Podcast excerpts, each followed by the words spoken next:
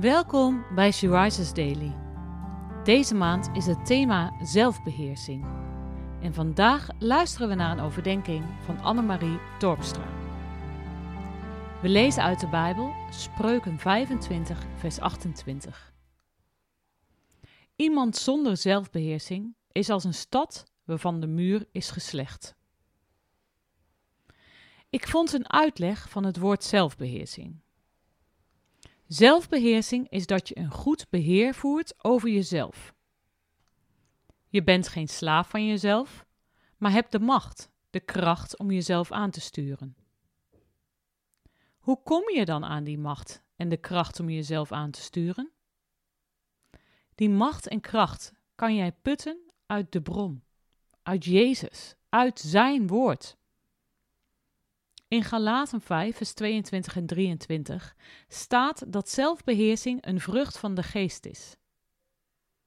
Ik geloof dat als jij Zijn woord leest en de Heilige Geest in je hebt, dat zelfbeheersing een gevolg is van een verlangen om meer op Hem te gaan lijken.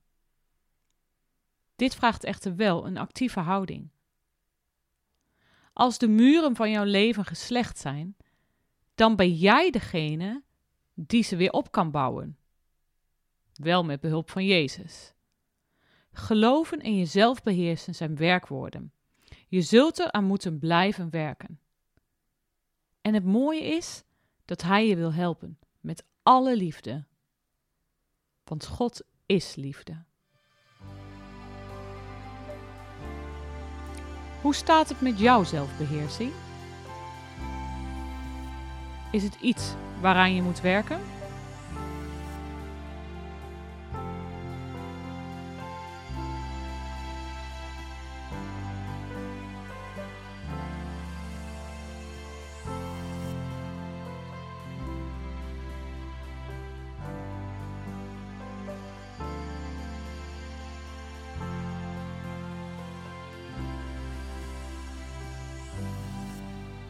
Laten we samen bidden.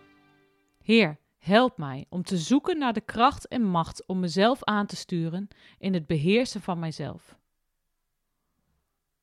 We kennen allemaal onze situaties waarin dit heel moeilijk is. Help mij te putten uit uw bron, uit uw woord, zodat ik kan blijven werken aan mijn muren. Amen. Je luisterde naar een podcast van Sea Rises. She Rises is een platform dat vrouwen wil bemoedigen en inspireren in hun relatie met God. Wij zijn ervan overtuigd dat het Gods verlangen is dat alle vrouwen over de hele wereld Hem leren kennen.